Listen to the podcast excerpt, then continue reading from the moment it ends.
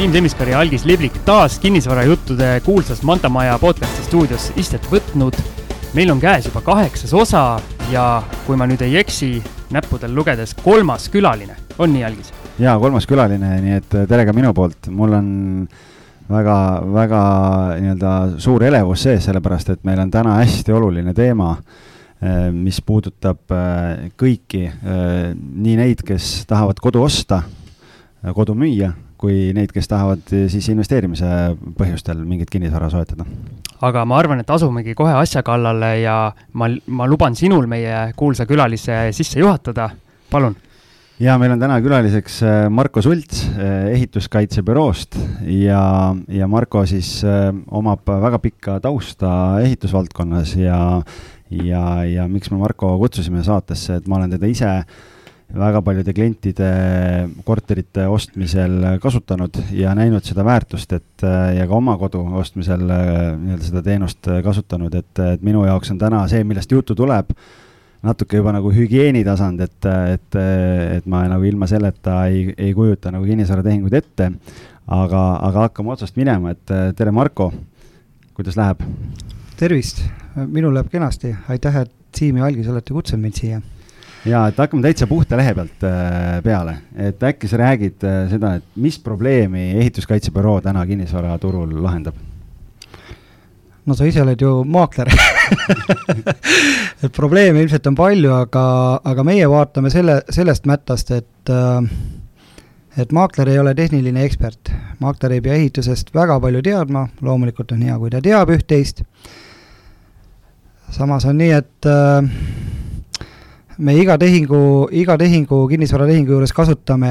hindamisteenust ja aga, aga see tehnilise seisukorra hindamise pool on kuidagi täiesti tähelepanuta. ja nüüd äh, mõned aastad tagasi, kui me sellega siin Eesti turul alustasime, ehk siis me ise kutsusime seda home inspection'iks, nii nagu USA-s ja, ja Lääne-Euroopas see täitsa tavaline teenus on, siis nüüd me oleme kusagil viis aastat äh, pusinud oma, oma äriga selles vallas ja ja noh, ütleme nii, et käesoleva aasta muuhulgas ka tänu algisele väga paljuski oleme siis hoogu juurde saanud, jah aga kust see mõte tekkis üldse, et noh, et sa oled ise pikalt ehitussektoris olnud, on ju, et äh, kas see tekkis mingi isikliku tehinguga seotud vajadus või, või kust see idee üldse lauale tuli? Äh, mul on äh, teatud ärihuvid Rootsis, et tegeleme seal ka ehitussektoris ja, ja Rootsis on näha, et noh, hinnanguliselt kusagil seitsekümmend viis, kaheksakümmend protsenti kõikidest kinnisvaratehingutest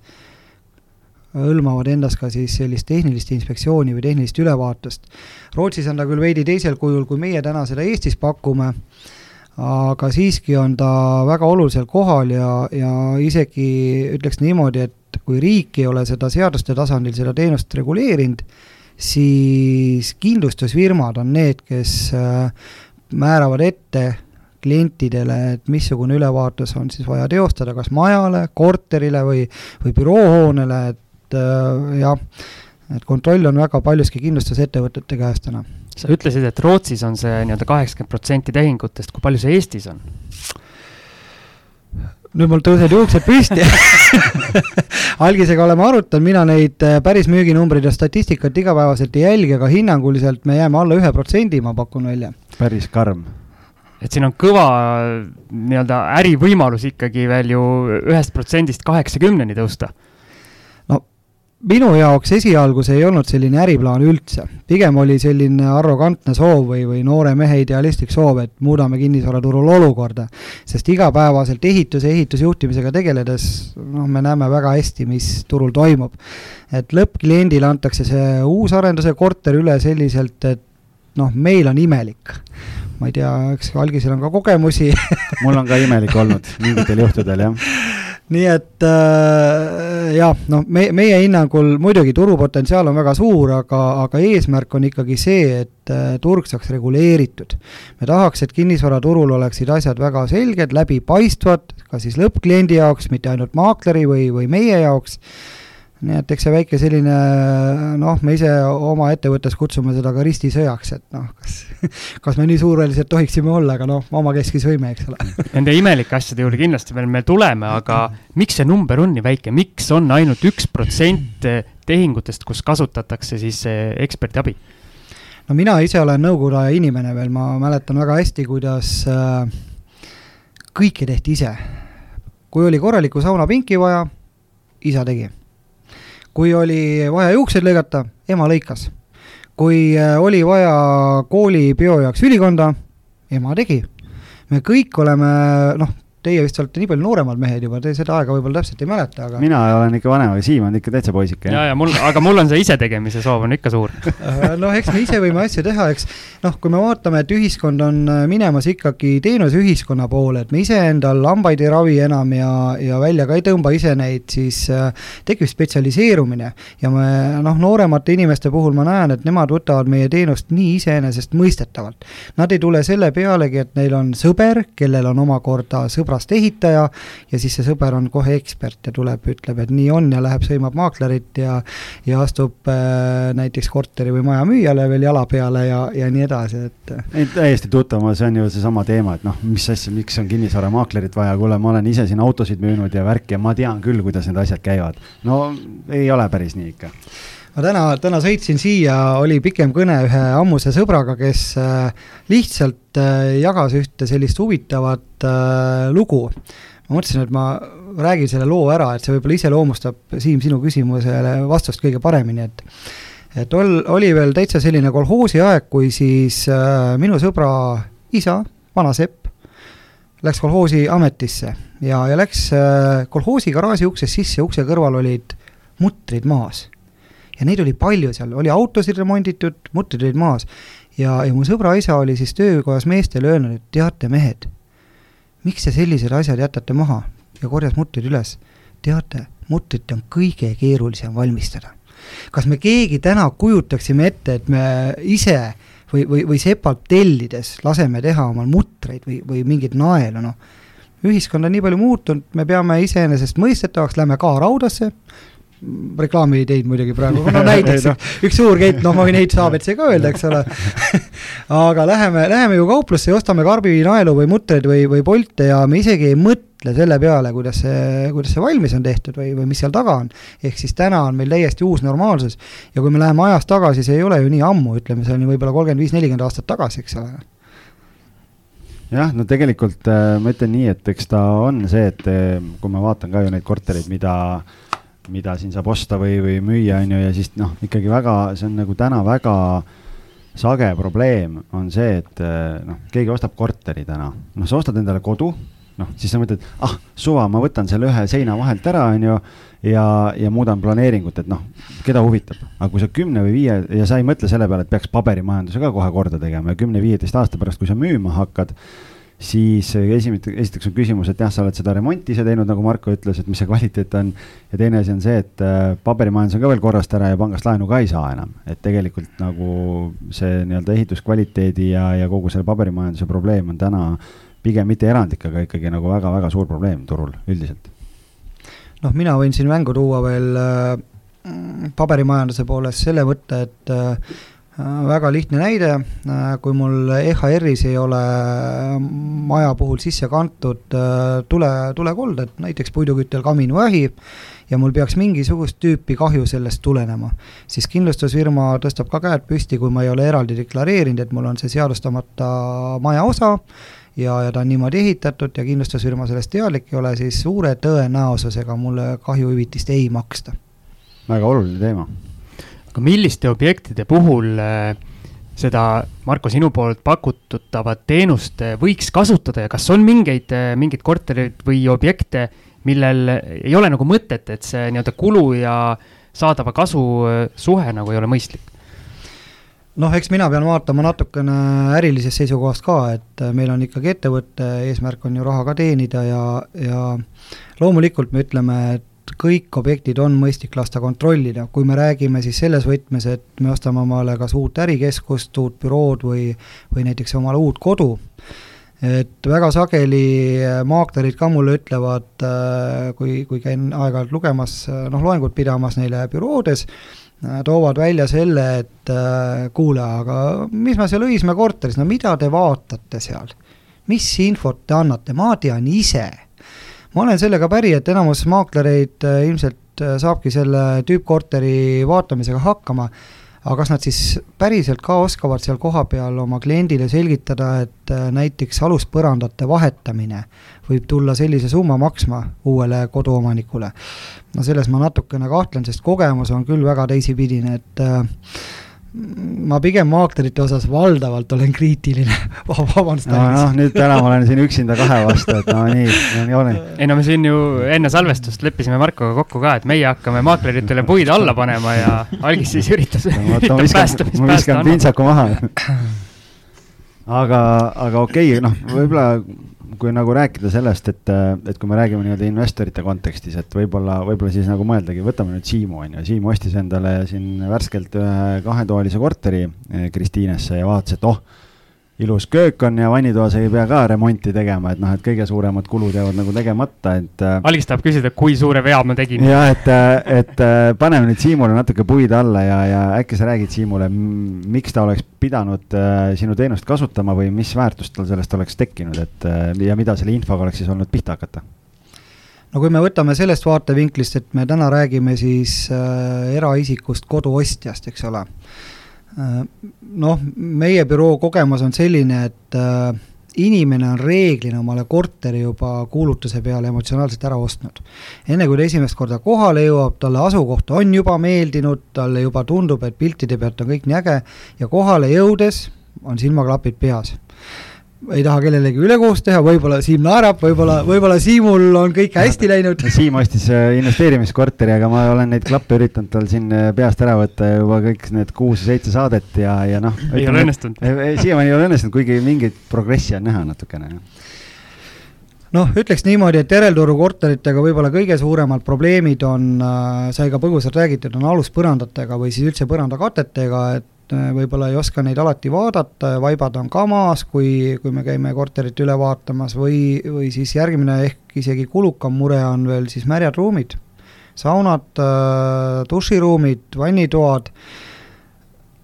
kui keraamiline plaat tundub silmane ilus ja värvid on vannitoas toredasti paika pandud ja ilus lilleline rätik ripub ka nagis ja võib-olla on väike kunstlilleke pandud valamu peale, siis tavaliselt inimesel on nägu nalja täis ja talle juba meeldib meie seda ei vaata, me, me need asjad jätame üldse kõrvale. sa lill, lille ei näe üldse, kui sa lähed, jah? no me ei saa seda endale lubada jah, et me vaatame teisest vaatevinklist ja et äh, võib-olla noh, väga, väga detailseks minnes siis käime kruvi pea, kruvikeeraja peaga ja koputame läbi keraamilised plaadid, mõõdame, kas kalded on dušinurkades õiged, äh, vaatame, kas äh, mingeid olulised konstruktsiooni vajumisi on olnud ja nii edasi, et et ühest küljest ilus vannituba ja võib-olla mingid äh, väiksed märkamatud praod, mis äh, tavainimesele jäävad nägemata, võivad viidata hoopis sellele, et äh, põrandates on hüdroisolatsiooni lekked. ja kui siis alumise korruse naaber kolme aasta pärast tuleb kurtma, et temal on laevahe kuskil hallitust täis ja, ja muud mured, võib-olla see alumise korteri naaber saab oma kindlustusest ilusti raha kätte, makstakse sellele kinni, aga kindlustusselts pöörab nõude kindlasti siis nii-öelda selle põhjustaja vastu, eks ole kui põhjustajal on omal vastutuskindlustus tehtud, pole probleemi, lasete kindlustusseltsil kinni maksta, aga vastasel juhul on keeruline, et iga päev me neid nii-öelda märkamatuid äh,, esmapilgul märkamatuid vigu ju tuvastamegi ja sellest saame, saame nagu väga palju infot anda ka klientidele, et alati ei ole kõik halvasti. väga sageli on kõik väga hästi ja meil on suurim rõõm meie jaoks ongi see, kui me kliendile saame öelda, et kuulge, te olete ikka väga ägeda valiku teinud, et nii on hästi, noh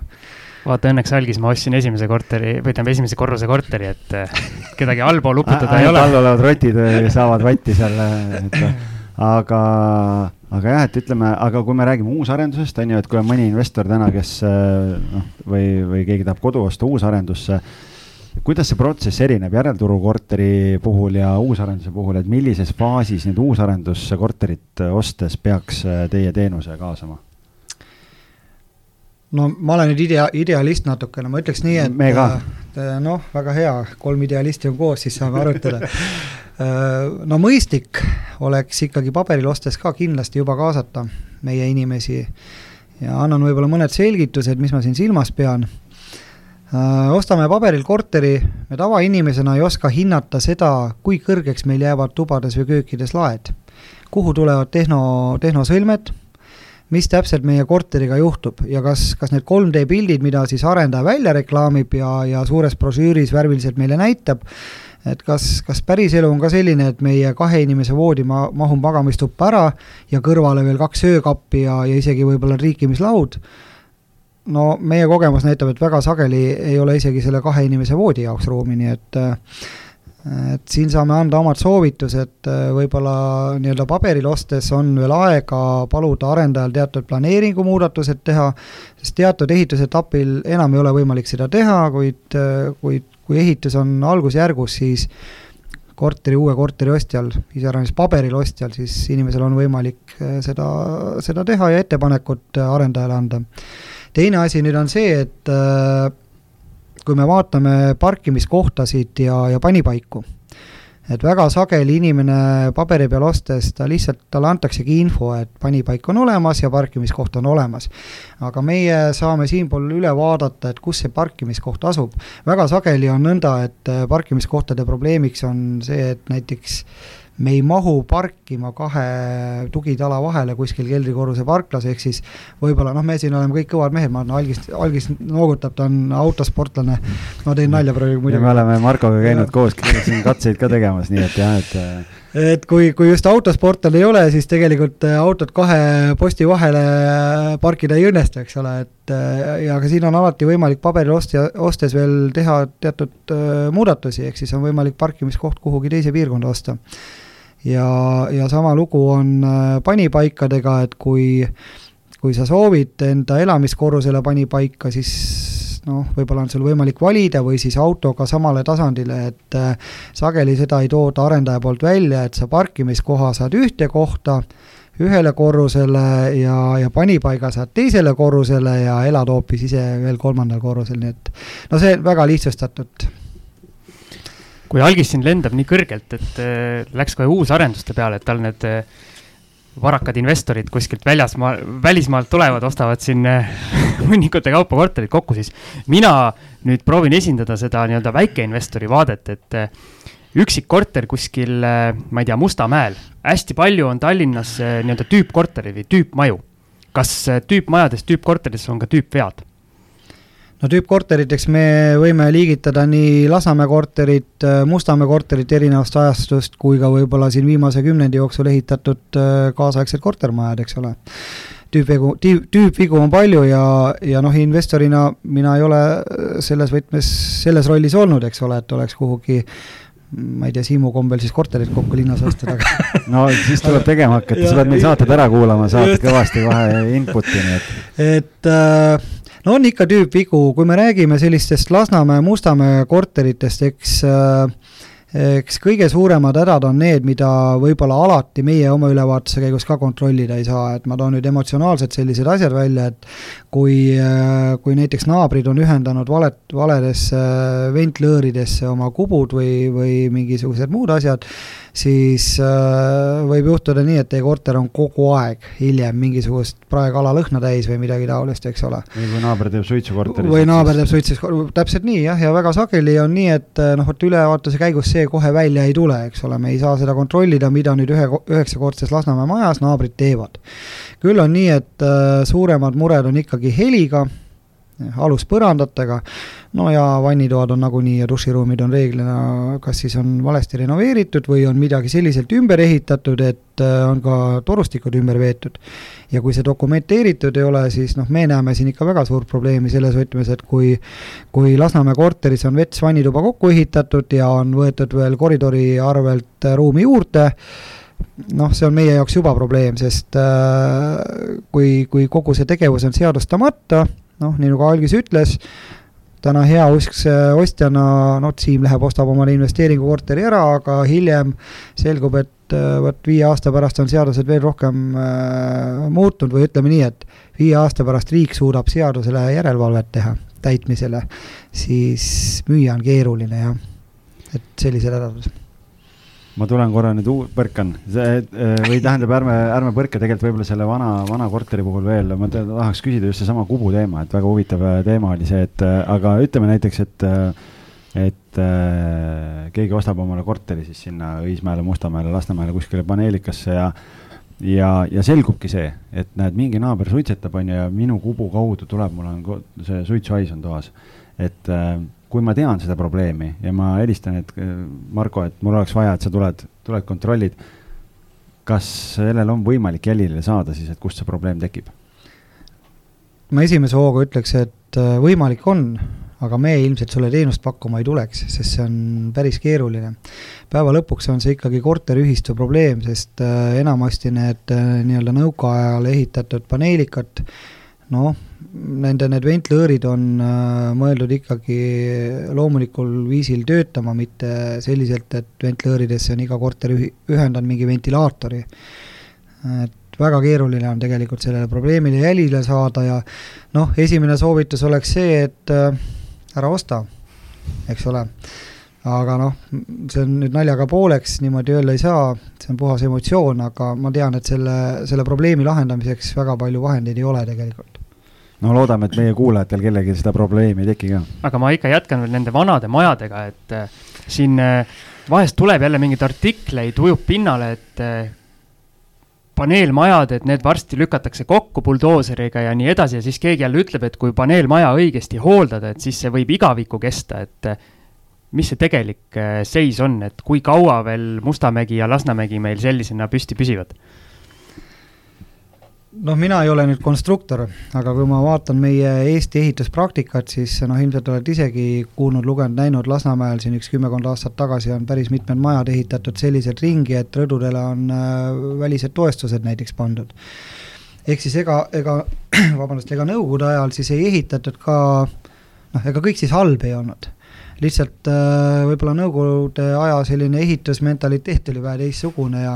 ja, ja ma ütleks kogemuse järgi niimoodi, et kui täna on ikkagi need äh, paneelmajad renoveeritud, ehk siis et fassaadid on kaitstud, katused on kinni, sadevee äravoolud on äh, tehtud selliselt, et need ei jõua kuhugi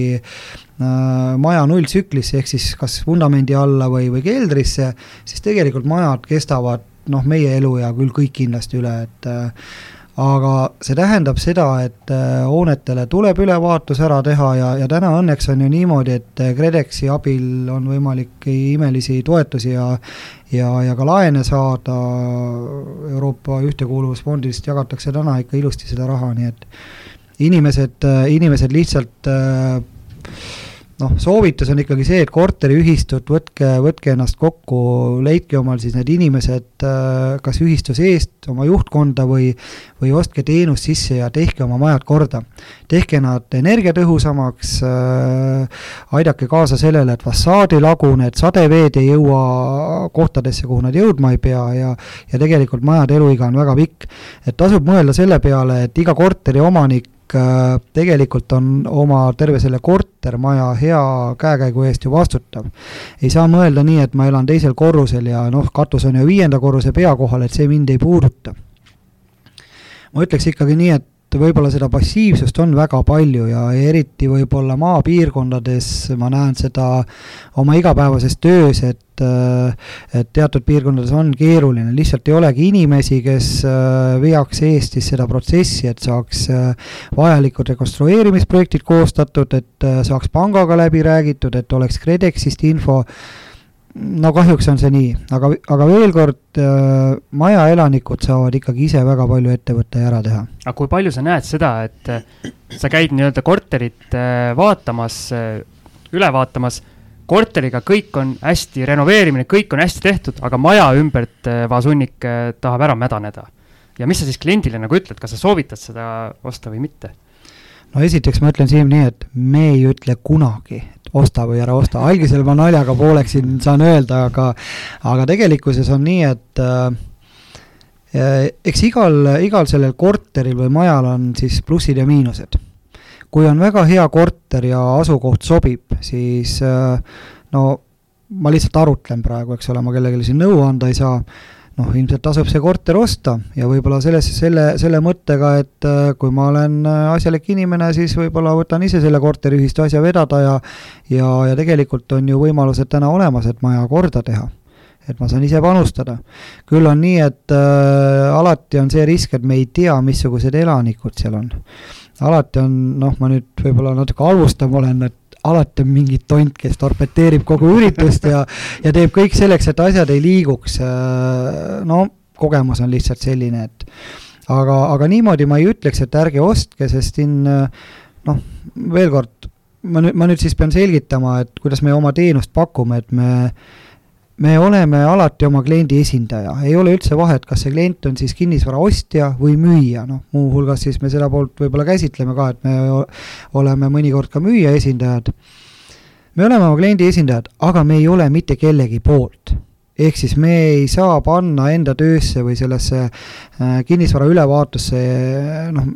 meil ei ole võimalik emotsiooni sisse panna. vastasel juhul me näekski seda ilusat lillelist rätikut ja, ja, ja võib-olla dehüdreeritud roose kuskil laua peal, eks ole, ja no aga see ei ole meie töö, me ei saa nii teha seda. et me vaatame kiretult, mis on ja, ja fikseerime olukorra, anname kliendile selgitused. et noh, nüüd juba hüppasin selle peale, et kuidas me siis teeme, et äh, me peame väga oluliseks seda, et äh, klient saab adekvaatse selgituse. kui on midagi mädaned kuskil, kuulge, kõike on võimalik asendada, lihtsalt hinnasilt on sellel küljes. kui on mured, väga sageli inimestel on sellised hirmud, no vot, betoonist teekivi sissesõidutee peal maja juurde on vajunud või kaev on kuidagi viltu ja noh, meie inspektorid saavad aru, et see on teleskooppaigaldusega kaev, seda on lihtne paika panna ja väga lihtne on äh, teealus korda teha, läheb maksma mõnisada eurot kokku. aga inimene, kes ei ole sellega kokku puutunud, talle tundub see täiesti lahendatu, lahendamatu probleem, sest ta, ta ei tea, kuidas seda lahendada. ta on täitsa teise ala inimene ja tekib hirm, et see on midagi väga suurt ja koledat. ja, ja ainus, millest ta võib-olla aru saab, on see, et vot seina peal on värv kriibitud, eks ole. Noh see ei ole halvustav, ma ütlen, et see on minu meelest äh, täiesti normaalne meie ühiskonnas, sest äh, me ei peagi teadma kõigest kõike. me peame omaenda töö või erialaga toimetulemiseks sedavõrd palju õppima ja kogu aeg muutustega kaasas käima, meil ei ole võimalik kõikidest asjadest kõike teada, nii et aga, aga noh, ma ütlen, äh, kui me räägime sellest nii-öelda teenuse ostmisest, et kuidas see tänane praktika näitab, et kuidas kui palju on ostjad, kes tellivad teenust ja kui palju on müüjad, kes tellivad teenust? no praegu on nii, et äh, ostja on ikkagi ilmselgelt ülekaalus, et müüjate esindajana või müüjat me oleme esindanud väga harva ja siin ma, vot siin ma tahaks lehvitada kõigile toredatele maakleritele, kes siis äh, kes siis kuuluvad selle väga väikse protsendi nii-öelda päris maaklerite hulka, kes päriselt saavad aru, mis kasu sellest on, kui, kui kutsuda enda, enda kliendi müügis olevat maamaja näiteks meid hindama ja, ja koostama raportit selle kohta. ehk siis, et äh, ikkagi valdavalt meie teenust tellib ostja täna, jah. aga mis sa arvad, mis see põhjus on, et ähm, kas see on teadmatus või see on kuidagi nii-öelda teadlik valik, et, et müüja mõtleb, et ah, ma ju tean ise, mis ma olen siin teinud, et mul pole siin mingit ehituskontrolli vaja. äkki müüja kardab, et mingid asjad tulevad välja? Ah, noh, emotsioon väga sageli, noh, mul on kogemus selliste vanemate majade puhul võib-olla, kus on siis mitu, mitu erinevat perioodi, millal on ehitatud. ühest küljest, ega see müüja ei tea, sest ta ei mäleta enam, mis ta teinud on, tal pole õrna aimugi, aga tal emotsionaalselt tundub, et kõik on korras aga tegelikult ju ei ole. ja teisipidi, noh, Siimul on võib-olla õige, õigus, et äh, müüja võib-olla ka natukene kardab. Muidugi ma peaks ütlema nii, et äh, need tublid maaklerid, keda meil siin on selline noh, käputäis, kes igapäevaselt meiega aktiivselt koostööd teevad äh,, nemad on aru saanud sellest, et äh, müüja hirmu on võimalik ka vähendada. noh, kuulge, te maaklerid peaks olema ju kõik tublid müügiinimesed ühest küljest, ehk siis tegelikult on väga lihtne selgitada müüjale ka, et mida meie teenus siis pakub, mida see pakub maaklerile, kuidas see justkui vähendab maakleri sellist äh, riski, eks ole, ja kuidas see vähendab müüja riski. et kui me võtame vana maja müügi, noh, algisega me ju oleme arutanud, et mida, mida toob endaga kaasa see, kui maja müüdud ja näiteks aasta pärast ostja asub äh,, asub seisukohale, et ilmnenud on väga palju varjatud puudusi ja, ja mida meie omalt poolt saame teha, ongi tegelikult see, et me toome enamus neid, äh, me toome lihtsalt kuiva infoga, kuiva infona enamus puudusi oma raportis välja. Ja hiljem ostjal ei ole lihtsalt võimalik öelda, et ta ei ole teadlik nendest asjadest. aga see varjatud puuduse teema tegelikult hästi, hästi põnev teema, et et mul on endal olnud äh, juhus, kus ma olen ostnud kodu kus olid ka puudused ja, ja seal oli selline olukord, et tollel ajal ma ei teadnud, et selline teenus on olemas veel äh, turul ja, ja ostsime korteri ära ja müüja mingit puudustest oli teadlik ja ladus need ette ja need läksid ka notarilepingusse sisse. ja, ja, ja noh, näiteks seal oli, oli üks äh, probleem oli selline, et äh, teadaolevalt, et oli see, et on põrandaküttega probleem, et ühes magamistoas põrand ei lähe soojaks, sellepärast et äh, arendaja kunagi oli äh, katlasse või sinna nii-öelda selle põrandaküttesüsteemi pannud äh, vale vee, see oli ummistanud ära põrandakütte need äh, seadmed ja siis oli, mis tegelikult välja tuli, oli see, et kui me olime korteri ära ostnud ja elasime seal sees, siis asi ei olnud mitte põrandas, seinast pahises seda või akna ümbert pahises tuult sisse, tundsid, kuidas külma õhku tuleb, et noh, kardin päris ei liikunud, aga, aga päris külm oli. Ja noh, okei okay,, see me ostsime suvel et siis ei oleks saanud seda kontrollida. aga, aga ütleme nii, et noh, et äh, tegelikult äh, tõenäoliselt oleks saanud jälile mingite sellele probleemile üht või teistpidi natuke varem, aga lihtsalt ei teadnud tollel hetkel seda teenust äh, kasutada. aga me rääkisime siin nendest ümberehitustest, mida igal pool Eesti, Eesti inimesed isetegijatena on kõval määral teinud. kas teie kaudu saab abi ka selle nii-öelda paberimajanduse kordaajamisel, kas te sellega tegelete? meil eraldi nüüd inimest laua taga täna ei ole, aga koostööpartnerite abiga me saame kõik asjad korda. no nüüd ma kohe parandan ennast, kõiki asju ei olegi võimalik korda saada, aga hea mees, kes lubabki. jaa, ütleme, ma võtan kohe tagasi ka sõnasabast kinni, et ärme seda välja lõika. jah, et üldiselt on nii, et äh, päris kõiki asju meie kogemuse järgi korda ei saagi, noh, väga sageli probleeme näiteks on korteritesse ehitatud saunadega, et tundub, et meil on seadus küll kõikidele üks, aga seaduses on ikkagi sedavõrd palju halli ala, et äh, et kohalikud omavalitsused võivad äh, menetleda ja käsitleda neid probleeme erinevalt. ehk siis, et kui ühes omavalitsuses võib-olla saab asjad korda, siis teises ei pruugi ja noh, need sisse ehitatud korteritesse ehitatud saunad on reeglina elektrikerisega, noh siin tekib see elektrivõimsuse küsimus kohe, et kas seda kõigepealt kortermajal on piisavalt ja, ja kas siis,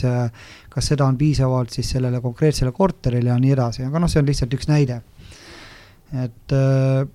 kõiki asju korda ei saa, aga enamus asju saab, jah. kui mul on nüüd äh, nii-öelda paneelmaja korter, selline tüüpiline kahetoaline Mustamäel ja mul on, mul on tehtud see, et vanasti olid need äh, nii-öelda WC ja vannituba olid eraldi. mina olen nüüd selle seina maha lõhkunud, teinud sinna eriti fancy vannitoa, nüüd on vaja hakata korterit müüma, algis tuleb, ütleb ei, ma ei saa müüa, kuna ei ole paberid korras. nii, palju mulle nüüd läheks maksma umbkaudselt selline teenus, et äh, ma lasen endal kõik paberid korda teha, oletame, et seal midagi siis ümber ehitada ei tule no keeruline öelda, jämedalt tuhande euroga pead ikka vist arvestama, et mõõdistusprojekt tuleb ilmselt teha ja, ja riigilõigud tasuda, nii et. väga hea küsimus ja väga hea vastus ka, mul on värske kogemus olemas, äh, küll mitte Marko kaudu, äh, et, äh, et tagantjärele tarkusena tegelikult oleks võinud ju Markole helistada, aga, aga ühte korterit müün, mis on ehitatud neliteist aastat tagasi ja, ja müüki võttes äh, küsin omaniku käest erinevat noh, infot, et tal on ka seal saun on ja, ja siis on õhksoojuspump on paigaldatud, on ju. ehitisregistris andmeid ei ole. ja omanik saatis mulle, saatis omale lepingu, kus arendaja on äh, pannud lepingusse, et äh, nende poolt äh, ehitatakse korterisse saun ja paigaldatakse see õhksoojuspump nii-öelda jahutuse eesmärgil. et see õhksoojuspump ei ole maja seina küljes, vaid ta on äh, rõdu peale paigaldatud. ja ehitisregistris ei ole ja siis äh, leidsime korterile ostja ja tegelikult äh, tagantjärele tarkus oleks võinud sellega varem tegeleda juba ähm,, sest seal käis ka investoreid, kes tahtsid ilma, ilma pangalaenuta osta ja tegelikult noh, tõenäoliselt ei oleks ka probleeme tekkinud üldse. aga kuna pangad on väga rangeks läinud täna, siis, siis ma lihtsalt helistasin äh, selline ettevõte nagu Plaan kaks, kes tegeleb, äh, ongi, ja noh, neid ettevõtteid on veel, on ju. Ja, ja ütlesin, et selline asi on ja nad äh, võtsid kõik projektidokumendid, kõik asjad välja, tulid kohale, tegid mõõdistamise ära,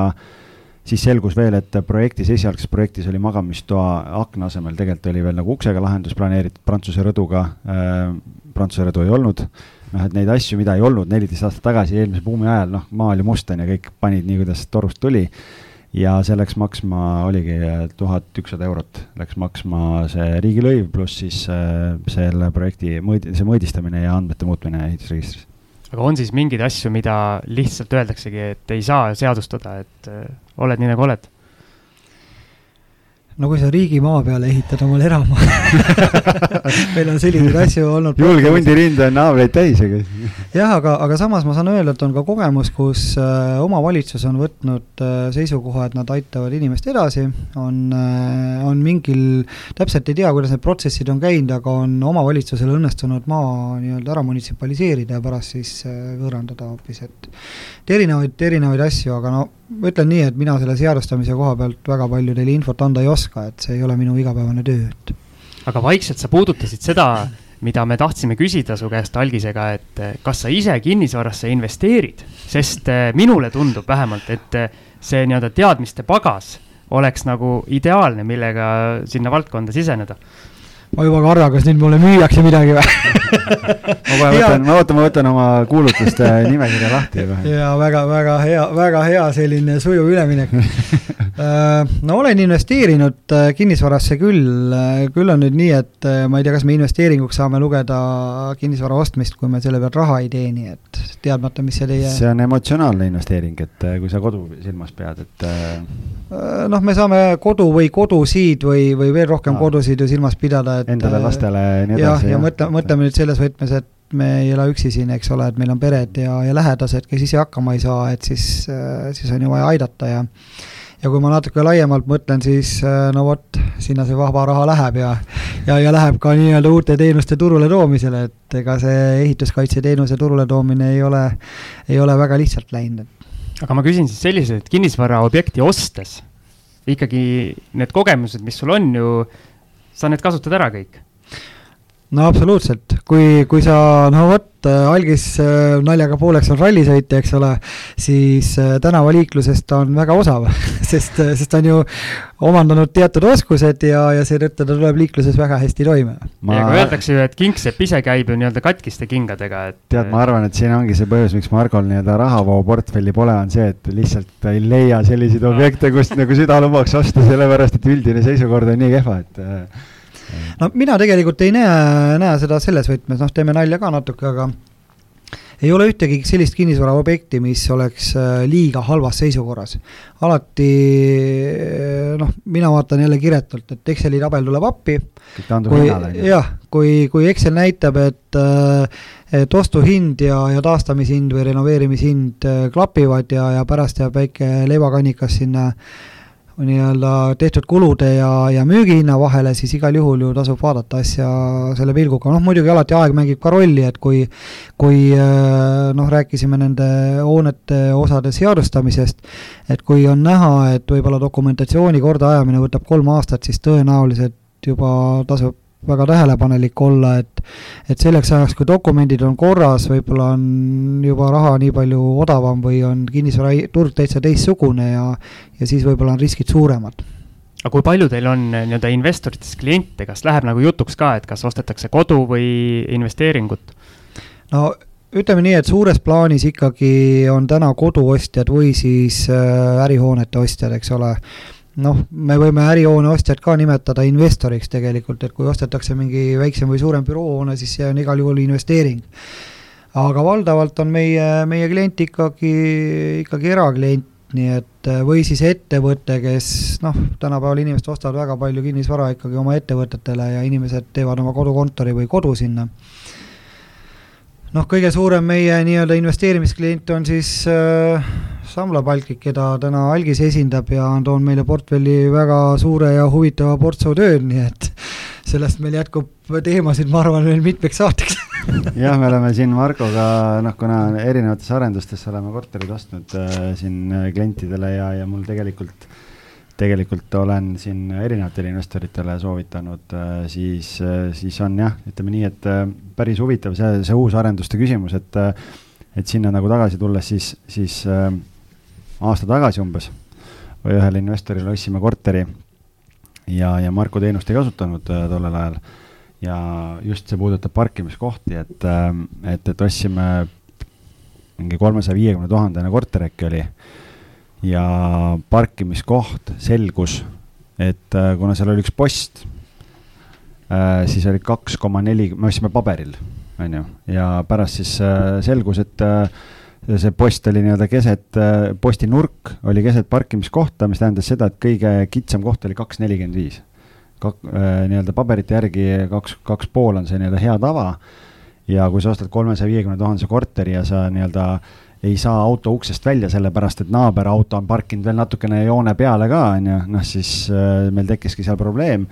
ja aga noh, lõpuks saime ikkagi nii-öelda arendajaga kokkuleppele, et äh, käisime notaris ära uuesti ja vahetati parkimiskoht äh, koos panipaigaga teise kohta ära, sellepärast et seda kasutada ei olnud võimalik lihtsalt. aga ma arvan, et me teeme siia väikese pausi ja meil äh, saate teine osa on ette nähtud siis erinevatele nii-öelda case study dele, et Marko räägib, mida huvitavat töös on näinud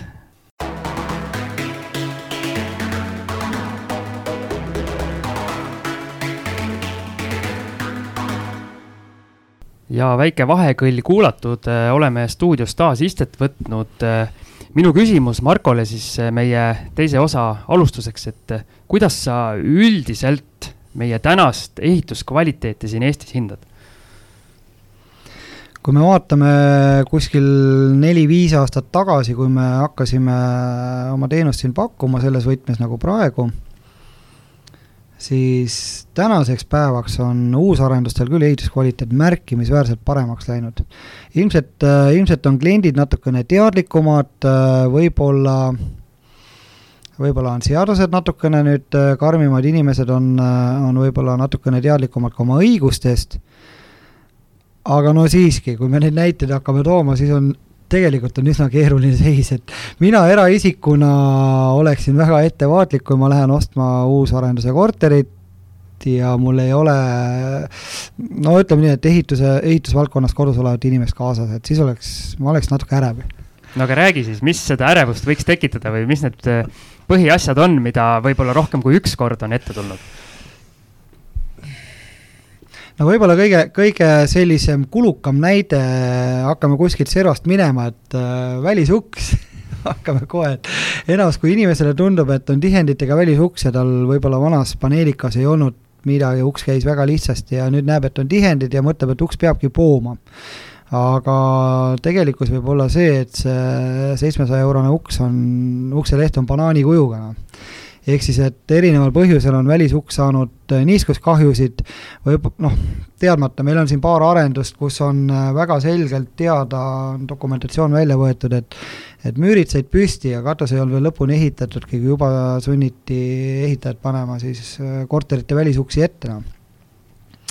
ja tulemuseks on see, et äh, kaks kolmandikku arenduse äh, ustest tuleb välja vahetada, ukselehtedest, sest need on lihtsalt sellised kõverad, et nad ei käi normaalselt kinni. ja kui lähevad ilusti sujuvalt kinni, siis kusagil on sedavõrd suur pragu sees äh, tihendi ja ukse vahel, et äh, koridoris äh, naabrinaine läheb, lohistab sussi, siis tegelikult sina magamistoas olla ei saa, et väga tuttav teema jälle, ühes teises uusarenduses äh, olen selle läbi teinud, et äh, et äh, oli, äh, üürikorter oli ja elasime seal ja siis äh, ise abikaasaga naersime, et hobune, üks naaber oli hobune, et kontsakingaga hommikul kell seitse pani tööle ja siis planeering oli niimoodi tehtud, et äh, meil oli magamistoas oli sisse ehitatud kapp ja, ja selle taga siis läks trepikoda kohe ja, ja, ja teise seina tagant läks nii-öelda trepp üles, ülevalt alla ilma liftita maja, kolmekorruseline ainult. Ja no igat kontsaklõpsu kuuled noh, ja, ja noh, seal oli seal oli nagu, ilmselt ei olnud ainult asi ukses, korteri ukses, kust müra sisse tuli, aga ka, ka nii-öelda see sisse kapi taga oleva seina puhul oli jäetud midagi tegemata selleks, et see müraisolatsioon oli nagu, oli nagu väga-väga kehva, et, et aga see ukse koha pealt ka mul üks näide tegelikult koostöös Markoga, kus ühe korteri uks näiteks, mina silmaga peale vaatan, ei ütle, et midagi viga on uksel. Marko ütles, et muna on üleval lükkas äh, loodi peale ja selgus, et üle lubatud normi oli ja tuli korteri uks välja vahetada, aga tavainimesena, kui sa ei oska isegi tähelepanu sellele pöörata, lähed vaatad, issand, kui ilus kalasaba parkett on ja oi, see valamukapp ja kõik noh, nii ilus on ju. et siis sa ei panegi selliseid asju tähele ja pärast tegeled nende tagajärgedega aga kui me nüüd uksest, uksest kaugemale jõuame, mis siis hakkab juhtuma no astu, astume kohe hooga siis kuhugi isikusse sisse. no parkett on uusarenduste puhul väga sageli on olukord selline, et äh, Mm, maalitööd on tehtud, äh, näiteks parandustööd viimistlusele on tehtud selliselt, et mingil põhjusel maa, maarid ei ole põrandaid kinni katnud. ja kui meil on sellised udupeened parketid, mis on võib-olla harjatud pinnaga, nad näevad väga kihvtid välja, õlitatud materjal, nad on pealt veidi struktuursed just sellepärast, et nad näeksid loodusliku puidu moodi rohkem välja ja, ja tõesti, näevadki väga kihvtid välja. aga kõik, mis maardritel sinna maha kukub, see sinna puusüü vahele jääb ja seda ei ole võimalik puhastusega kätte saada. ja nüüd on olukord selline, et inimene võib sisse kolida ta ei märkagi, et selline, et põrand on täielikult rikutud. paneb oma mööbli sisse, paneb omal vaibad maha ja võib-olla on niimoodi, et ühel hetkel, kui kui hakatakse, ma ei tea, garderoobi kappi ümber tegema või midagi, keegi vaatab, et huvitav, miks terve põrand näeb välja nagu lepardiino. no meil algisega on siin kogemust,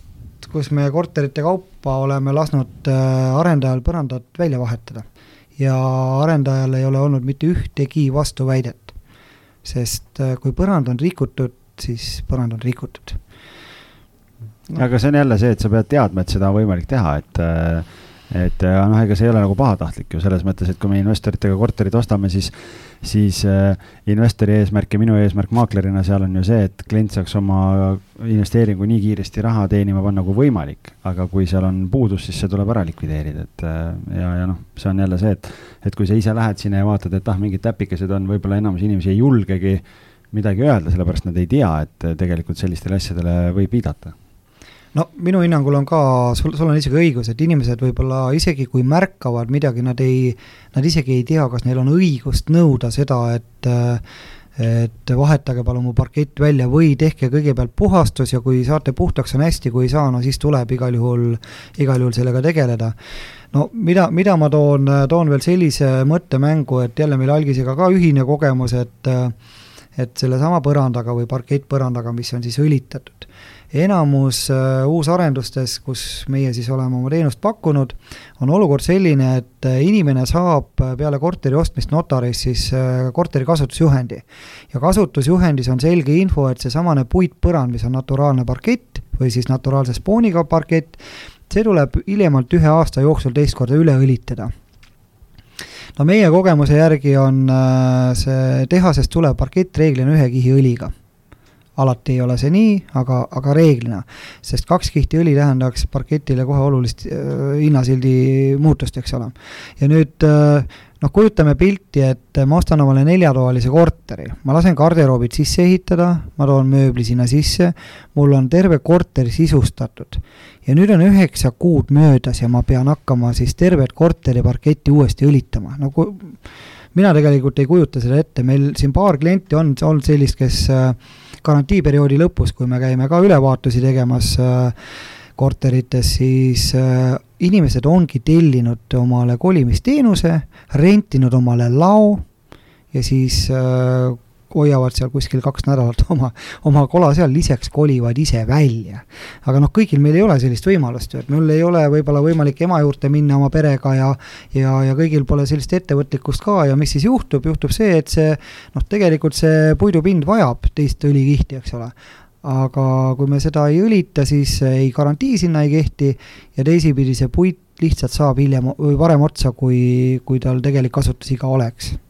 no üks selline näide põranda kohta no põrandate kohta tegelikult on ju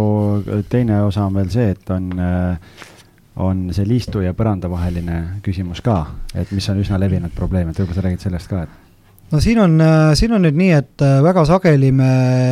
peame, peame kahjuks oma klientidele ütlema, ehk siis äh, kui me oleme ostja esindaja, peame ütlema, et äh, arendajale või nii-öelda arendajale õiguse andma. ehk siis, kui kliendile tundub, et põrandaliistu ja põranda vahel on liiga suur vahe või, või siis seina ja põrandaliistu vahel, siis siis äh, meie tavapraktika Eestis on selline, et jälgitakse siseviimistlustööde rülli, ehk siis see on Soomest tulnud ehitusnorm, ja, ja klass kaks, see näitab siis seda viimistluse taset. ja, ja määrab ära, kui suured tohivad siis teatud tolerantsid olla, kui palju tohib äh, keraamiline plaatvilt olla, kui palju tohib põrandal olla lainet ja nii edasi. ja väga sageli on nii, et äh, et põrandaliistud on põrandast võib-olla seal kaks millimeetrit lahti. see silmale on inetu vaadata, sõltub, mis tüüpi materjaliga on tegu, eriti, eriti selgelt eristuvad materjalid näiteks, äh, võtame tammekarva või, või päris tammepuidust parkett ja ja imeilusad valged kõrged liistud puidust, siis see vahe on seal väga selgelt näha ja see tundub nii imetu. aga väga sageli jääb see normi piiresse ja siin me igal juhul peamegi ütlema oma kliendile, et te olete kokku leppinud oma seda võlaõiguslepingut sõlmides, et et viimistlusklass on rulli järgi teine klass ja see vastab normile. nii et see on nagu hea näide sellest, et me kindlasti ei ole oma kliendi poolt, vastasel juhul me hakkaks ju räuskama ja nõuaks ma ei tea mida, eks. aga me lähtume puhtalt, puhtalt tehnilisest infost teisipidi on nii, et ei ole sugugi jällegi harv see, et need lained põrandatel siis ongi sedavõrd suured, et tegelikult mahub viiemilline,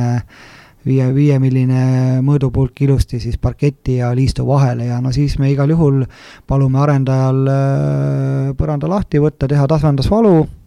ja uuesti parkett ja liistud paigaldada, täiesti, ütleme nii, et see vast on üks kõige levinumaid äh, selliseid tavaprobleeme üldse. mina siia vahele tahaks niisuguse asja torgata, et kui inimene nüüd läheb uusarenduskorterit ostma, siis ta arvab, et ta saab midagi uut ja vägevat ja puhast ja toredat. ja kui ma neid jutte kuulan, siis ma mõtlen, et eh, no mida et nagu autoga on ju, et sõitsid ja. enne vana Volkswageniga, suri tee peal ära, nüüd lähed ostad uue täiesti tutika, siis sa tead, et viib punktist A punkti B on ju. noh, ütleme nii, et ega, ega uusarenduste puhul on ka see, et ega kuna see maht on ju nii suur, see ei tähenda, et see probleem on üleüldine, aga lihtsalt täna neid probleeme esineb ja oluline on, et meie kuulajad oleks nendest teadlikud, et, et selles mõttes nagu ja tuleme tagasi siia ka, et ega see ei tähenda, et vanades korterites neid samu probleeme ei oleks ju. ja, aga vanas korteris sa justkui automaatselt oled ennast häälestanud, et seal niikuinii mingid probleemid on. no me räägime emotsioonist, eks ole. no just, ja tegelikult eks ta, eks ta on tegelikult selles mõttes ja ongi õige ja tegelikult, et, et kui inimesed ostavad uusarendusse korteri, on ta siis investeerimise või kodu eesmärgil, siis see eeldus ju ongi see, et ta on uus, ta on korras, sa tead, et seal on see ehitusgarantii ja kõik, kõik sellised asjad aga, aga noh, kui me räägime täna sellest, et äh, need võimalikud mingid puudused, on ta siis äh, parketivahetus või, või ukse vahetamine või nii edasi, siis need kõik on väga-väga-väga suured kulud versus see, kui palju maksab äh, ehituskaitsebüroo teenustena, et sellepärast ma ütlen, et minu jaoks on see natuke nii-öelda nagu hammaste pesemise tasemel, et, et see on nii elementaarne asi et, et, et lisab mõned sajad eurod maksta selle eest, et sa tead, et see, mis ma ostan, on korras ja, ja kõik võimalikud puudused enne ostmist on likvideeritud mis on uh, uusarendustel need kõige-kõige kallimad vead, et kui need nüüd läbi laseb see ostja, et ei telli seda ülevaatust, et uh, mis need, mis need kõige kallimad vead on, mis pärast võivad siis nii-öelda tagumikust hammustada? no eks üks, üks pool ongi kindlasti seesama parketi teema, aga võib-olla noh, ma ise hindaks, et kõige sellisem noh, vastikum või kõige ebameeldivam on ikkagi märjad ruumid. et kui, äh, kui sul on dušinurga kalded on äh, valed, ehk siis et ei ole piisavad ja see dušivesi jõuab sul keset põrandat ja jõuab tegelikult äh, esikusse servast, siis no see on, see on väga suur probleem ja, ja võib-olla teine asi see, et kui me läheme nüüd uusarenduse duširuumi vannituppa sisse, kõik tundub imeilus ju plaadid ilusti läigivad, kõik on ära puhastatud, eeldatavasti.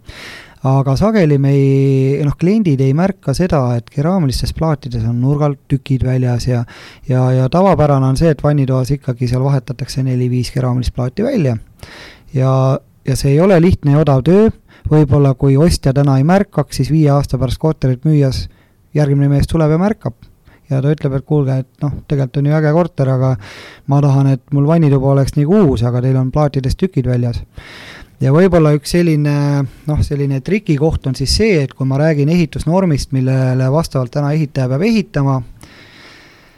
äh, duširuumide või üldse märgruumide põrandad väga sageli lainetavad. see tähendab seda, et kui me paneme sellise mõõduriista nagu kiillatt, paneme põranda peale, kõik on justkui normi järgi ja silmale vaadata nii poriinetu, noh, meil on algisega ka siin paar sellist kogemust, ütleme nii, et äh, me peame ikkagi lähtuma ka sellest, et äh, meil on hea ehitustava. ja see nüüd oleneb väga palju ehitajast või arendajast, et kuidas tema sellesse suhtub. noh, minu kogemus on selles, selline, et isegi võib-olla noh, nii-öelda kõige raskemad arendajad meie jaoks on tegelikult selle probleemiga nii-öelda tulnud kaasa ja on ära lahendanud. sest kui silmale on inetu vaadata, no, no siis ta on inetu vaadata, midagi teha ei ole aga ma saan aru, me ilmselt konkreetsetest arendajatest rääkima ei hakka ärme seda siin tee. jaa, aga ma küsin nagu üldiselt, kas nii-öelda arendajate liini pidi on mingid kindlad nimed ka, kes kogu aeg jälle nii-öelda üles kerkivad ja ette tulevad või siis vastupidi, positiivses võtmes, kas on mõni arendaja, kellega no ongi minimaalselt probleeme, et äh, vaatadki ja näitad ainult nii-öelda pöialt üles, et kõik on hästi? No ma ütleks nii, et äh, see kõik taandub äh, ehitusjuhtimise peale ehk siis sellele, kuidas on mingisuguses ehitusfirmas või siis arendusfirmas korraldatud ehitustööde juhtimine. ühel samal arendajal võib olla kõrvuti kaks korterelamut uusarenduses ühes äh, kortermajas siis toimetab üks projektijuht või objektijuht ja teises teine. ja ma väidan, et see lõppkvaliteet sõltub otseselt sellest objektijuhist. Aga loomulikult ka sellest, et kuidas siis objektijuhiga või kuidas objektijuhil on võimalik siis selle ettevõtte raames seal opereerida, et missugused on need käsuliinid, missugused on kokkulepped juhtkonnaga ja nii edasi, et et tuleb ka aru saada, et objektijuhil tihtilugu on käed ikka täiesti seotud ja müügiosakond dikteerib, noh näiteks. samas ma ütlen nii, et äh, noh, on, on kindlaid jooni ka, et on nii-öelda kvaliteetsemad arendajad ja vähem kvaliteetsed. ma siin inimestele paneks südamele, et äh, selline eestlased ütlevad, selline vanasõna, et kõik, mis hiilgab, ei ole kuld alati. et võib-olla need, kes äh, kõige paremini oma müüki ja turundust korraldavad, võib-olla nad kõige paremini ei ehita aga, aga ma siin nagu hirmul ei oleks, et minu meelest äh, vähemasti need arendajad, kellega me oleme kokku puutunud, neid siin Tallinna ümbruses ja Tartus on päris palju, noh, Rakvere kandis ka, siis äh, võib-olla sellest tähtsam küsimus, et kuidas keegi ehitab, olulisem meie jaoks on see, et kuidas mingisugune ettevõte siis probleeme lahendab. Ehk siis, et äh, kuidas suhtutakse sellesse kõigepealt, et meie tuleme üldse hindama midagi tehnilisest seisukorrast ja, ja kuidas siis hiljem äh, meie kliendile äh, tullakse vastu või ei tulda vastu või kuidas need võimalikud meie poolt leitud asjad siis ära lahendatakse. et võib-olla see on hoopis võtmeküsimus, ehk siis selle arendusfirma nii-öelda poliitika, kuidas oma klienti käideldakse siis, kui müük on juba tehtud ja see on tegelikult, äh, on natukene erinev küll ja, ja tegelikult, kui me tuleme veel selle kahe kõrvuti seisva maja juurde tagasi, siis ükskord, kui ma Markolt tagasisidet sain äh, ühe arenduse kohta, et näed, et selle maja korterid nagu super head, teises majas oli kvaliteet kehvem, siis ma küsisin äh, selle müügiinimese käest, et noh, et kas, et millest see kvaliteedi kõikumine võib tulla, siis selgus, et lisaks sellele, et olid erinevad objektijuhid, olid ka erinevad alltöövõtjad seal majade peal, nii et noh, ka sellest äh, sõltuvad, äh, sõltuvad need asjad, aga aga olen neid äh, Marko tehtud äh, akte päris palju näinud ja julgen küll öelda, et mingite arendajate puhul on küsimus selles, et noh, suurim viga, mis ta seal välja toob, on see, et põrandad on korralikult pesemata ja teisel arendajal on see nimekiri on nagu päris pikk, et on vaja parkett välja vahetada või on siin vannitoapõrand on lainetanud, on tulnud välja vahetada, et et äh, erinevused on sees ja, ja kui ühte arendusse ostad ostad rohkem kortereid, siis sealt joonistub see muster ka välja ja tegelikult ka see nii-öelda see töö ja kommunikatsioon, et olen saanud osade arendajate puhul ka nii-öelda ehituskaitsebüroo suunal väga positiivset tagasisidet just selle koha pealt, et et väga adekvaatne ja intelligentne ja, ja just see, et nii-öelda emotsioonitu öö, töö, et, et väga nii-öelda konstruktiivne mõlemal suunal. aga Algis, minu küsimus sulle maaklerina, kui palju on olukordi, kus müüja ei soovigi, et tema objekti tullakse üle vaatama, et ütlebki, et no, no, no? Õnneks mul ei ole olnud, aga noh, Marko, sa võid ise nüüd rääkida, et sul on kindlasti, kindlasti mingeid näiteid tuua selle koha pealt, et kas, kas on juhtunud niimoodi, et müüja ütleb, et, et ei, ma ei ole nõus no siin on üks äh, meie jaoks üks muster välja joonistunud, äh, ma nüüd ei taha, ma ei ole ei rassist ega kuidagi, äh, kuidagi siis sotsiaalsel pinnal ei tee kellelgi vahet, aga aga meie ühiskonnas ma näen, et et justkui slaavi päritolu majaomanikud kipuvad ära ütlema sellisel juhul üldse ostu-müügitehingust, kui kui kuuldakse, et on kaasatud ehituskaitsebüroo siis ostueelset ülevaatust tegema noh, viimane,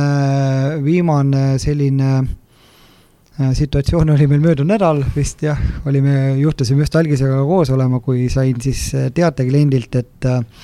äh,. oli prants-, prantsuse kliendiga tegu, suhtles inglise keeles ja kõigepealt oli väga üllatunud, et äh, et see suur hoonekompleks siin Tallinna vahetus läheduses, noh, hinnast sinna poole milku ringi, et äh, müüja ise ei ole ära teinud ostueelset inspektsiooni, siis. Sellest ma järeldan, et Prantsusmaal ilmselt on see väga tavapärane, ehk siis et äh, see on normaalsus, noh, meie info kohaselt see nii ongi tegelikult, ja kui siis äh, müüja sai teada, et kaasatakse ehituskaitsebüroo ostueelse kontrolli protsessi, siis müüja teatas, et äh, tehingut ei toimu teiega ei toimu siis ehk siis meie, meie potentsiaalse kliendiga, et noh. päästsid kliendile pool miljonit, kuule. jah, et see, see on selline viimane näide, et aga noh, ega me ei saa midagi siis äh, muud teha, kui kliendile öelda, et äh, võib-olla teil läks hästi. et reeglina, kui noh, on kogemusi, et kui väga suur hirm on, siis omanikul, siis seal võibki taga olla midagi, mis mis võib-olla päädibki sellega, et äh, ei tahagi meie klient osta seda hoonet, eks ole, või maja või mis see siis parasjagu on seal. kuule, aga minul on kohe meie kuulajatele, väikeinvestoritele väike nõuanne, et kui te lähete objekti ostma, siis vähemalt hirmutage ehituskaitsebürooga müüjat, et äh, sõimusõna tekib turul, et äh, ei, siis juba nii-öelda selgub, et kui öeldakse, et ei, ei, ei, ei, et umbes, et äh, siis tead, siis, jah, siis tead, et kauge kaarega, on ju. ükskõik, mis hinnaga saad, ei taha, et aga tegelikult tulles selle Marko jutu juurde tagasi, siis on nagu minu arust nagu ülioluline point ja Marko mainis seda meie saate esimeses osas ka, on ikkagi see, et noh ma täna isegi mõtlen selle peale, et nagu korterit müües, et äh, ülimõistlik ära tellida see teenus ju sellepärast, et äh, isegi kui ma ei tea, et mul on kuskil mingid asjad, ma saan selle nimekirja kätte. ahah, näed, mul on sealt äh,, sealt see asi natukene hakkab ära väsima või, või, või kuskilt on vaja midagi parandada, siis ma saan hinnata kõigepealt. kas ma teen, A, kas ma teen ise ära need asjad või mis need maksavad mulle ja kuidas see nagu müügile kaasa aitab, et sa saad öelda, et kuule, näed, et mul on teht-, tellitud äh, teenus Eh, ehituskvaliteedi koha pealt, mul olid sellised, sellised asjad värskelt ära tehtud, lasin kõik korda teha. Versus teine pool on see, et, eh, et kui sa näed, et okei okay,, tead, et mingid asjad on natukene ligadi-logadi, siis eh, noh, nii-öelda müügistrateegiasse sisse kaasata, paned paar tonni hinnale otsa ja saadki, kui, kui ostja kaupleb, ütledki, et okei okay,, et näed, et noh, ma tean, et mul on see ja see asi et davai, ma tulen sulle tonni hinnas vastu, aga ma ei tea, selle elutoas selle mure lahendad ise ära nagu, et äh, et äh, mõlemal juhul mulle tundub nagu igati mõistlik plaan. Ja, ja sa tead, kui sa lähed notarisse ka, et sa oled selle nimekirja ära tellinud, sa paned need kõik asjad sinna kirja, et sul ei tule bumerangi mingi poole aasta või aasta pärast, pärast, et kuule, mingi jama on noh, üldiselt on nii, et äh, õige, õiged tähelepanekud, et kui, kui me nii-öelda müüja esindajana oleme, siis äh, me anname ka soovitused selle kohta, mis on need pisiasjad, mis tuleks ära teha, mis võivad ostjal juhtme kokku ajada, et äh, väga võib-olla selle nii igapäevasest elust ma tooks sellise näite, et kui kui meie läheme näiteks ostja esindajana, läheme sellist vanemat maja vaatama ja seal ei tööta tööta ükski segisti korralikult, siis see on lihtsalt nii, noh, see on nagu emotsionaalselt arusaamatu. ostjale tekib alateadlikult tunne, et nüüd on midagi täiesti valesti, et mulle, ma ei saa kuskilt korralikult vett võtta. aga samas on nii, et äh, müüja teeb selle kulu, kutsub sandtehniku kohale kui on päris äh, rikkis, segisti vahetatakse ära, kui vaja, võib-olla puhastatakse ainult sõelad ära ja kogu lugu. sellised imeväikesed asjad, samamoodi võib-olla vetsupati loputaskast tuleb puhtaks teha, et ta korralikult töötaks. aga kui me võtame nüüd nii, et äh, tänapäeva standard on selline, et me tahame noh, kuidas vanasti öeldi, et kui vanasti oli oli siis vesi väljas ja, ja, ja meie see väljaheide toas, siis täna ju kõik tahavad vastupidi, et vesi oleks toas ja kõik muu väljas, eks et see standard on natukene teine ja, ja inimene emotsionaalselt tahab, et sellised lihtsad ja temale arusaadavad asjad juba töötaks. ja kui nüüd müüja ise ei oska sellele tähelepanu pöörata ja suure kahetsusega pean ütlema, et ka maaklerid, no aidake oma klienti edasi. ja just, mul on maaklerite kohta veel üht-teist öelda. sellest teeme eraldi saate. meil vist hakkab saateaeg otsa saama et, et noh, ma julgustan küll ka maaklereid ikkagi sedavõrd oma, oma siis kliente esindades noh, võtma, võtma meiega ühendust või siis ise oma klientidele nõu andma, et mis on need väiksed asjad, mida tuleks ära teha, et et noh, olgem ausad, sõna otseses mõttes, lubage ostjal osta andke talle see emotsioon, et ta tegelikult tahab osta ja, ja selliste pisikeste asjade kordategemisega võib-olla tekib oluliselt tervem õhkkond terve, terve müügiprotsessi jooksul. tegelikult äh, jah meil on, meil on ka maakleritest kuulajaid, ehk siis äh, ma arvan, nemad on juba sammukese ees koos algisega kõigist teistest. ja ei, see on väga hea ja ma tegelikult ütlen, ma selles mõttes Marko jutule kirjutan kahe käega alla, et noh, et mul on ka olnud sellised korterid, et lähed müüki võtma ja siis omanik ütleb, et ah, mul see köögikraan tilgub, aga noh, see on nii väike asi, noh, korda teha niimoodi, aga tee korda siis noh, see on emotsionaalne asi kohe jälle, et Siim tuleb korterit vaatama, vaatab, ahah, kraan tilgub, okei okay,, kuule, kaupleme hinnas alla, korter on ligadi-logadi. et äh, eelmine saade rääkisime Kalle Aroniga üürikorteritest, kus öö, oli ka see, et noh, et, et kui su korter on ligadi-logadi, siis üürnik on ka ligadi-logadi ja, ja, ja tulemus on ka ligadi-logadi. ja noh, nii-öelda müügi, müügi puhul samamoodi, et, et need on kõik emotsionaalsed aspektid, mis vähendavad sinu kinnisvara väärtust või tähendab, annavad võimaluse seda väärtust äh, vähendada aga meil on ülihuvitav saade olnud, aga peame kahjuks äh, hakkama seda vaikselt kokku tõmbama. lõpetuseks loomulikult äh, räägime natuke ka rahast. et äh, kui palju maksab äh, üks selline objekti ülevaatus äh,, võtame sellise väikeinvestorile väga südamelähedase sellise paneelmaja kahetoalise korteri, selline kõige keskmine korter, kui suure väljaminekuga ma pean arvestama? Nüüd ma peaks küsima, et mida see investor teada tahab ja reeglina on nii, et meil investoritega on eraldi, eraldi kokkulepped. küll on nii, et kui me, kui me võtame sellise keskmise korteri, noh, see ei pea olema siis paneelmaja korter, sest äh, me siin väga suurt vahet ei tee, meil on korteritel erinevad ülevaatuse paketid välja töötatud. me oleme, oleme mõne aasta jooksul neid nüüd muutnud ja täiendanud äh, lähtuvalt sellest, mis äh, meie klientide tagasiside ja vajadused on olnud no ütleme nii, et sellise kahesaja euro eest saab äh, kahetoalisele korterile juba väga adekvaatse ülevaate või ülevaatuse ja, ja kirjaliku raporti, kus siis kogu info on olemas tegelikult. sealt jääb välja see seadustamise pool, küll on nüüd nii, et meil korterite hinnad vist täna üldse saja viiekümnest eurost kusagil algavad, et aga, aga äh, noh, siin peab vaatama, et äh, mida siis meie potentsiaalne klient üldse vajab, et me siin alati räägime läbi, sellist väga harva sellist müüki on, kui me kliendiga ei suhtle, et mis see vajadus neil on, sest äh, me oleme iseenesest väga paindlikud, me äh, kõiki asju nagu hindasid päris lukku kohe ei löö. teisi, teisipidi on see, et, et mida me siis üldse teeme, et me ju kontrollime nii uusi kui juba järelturul olevaid kortereid, samamoodi uusi järelturul olevaid maju ja ridamaju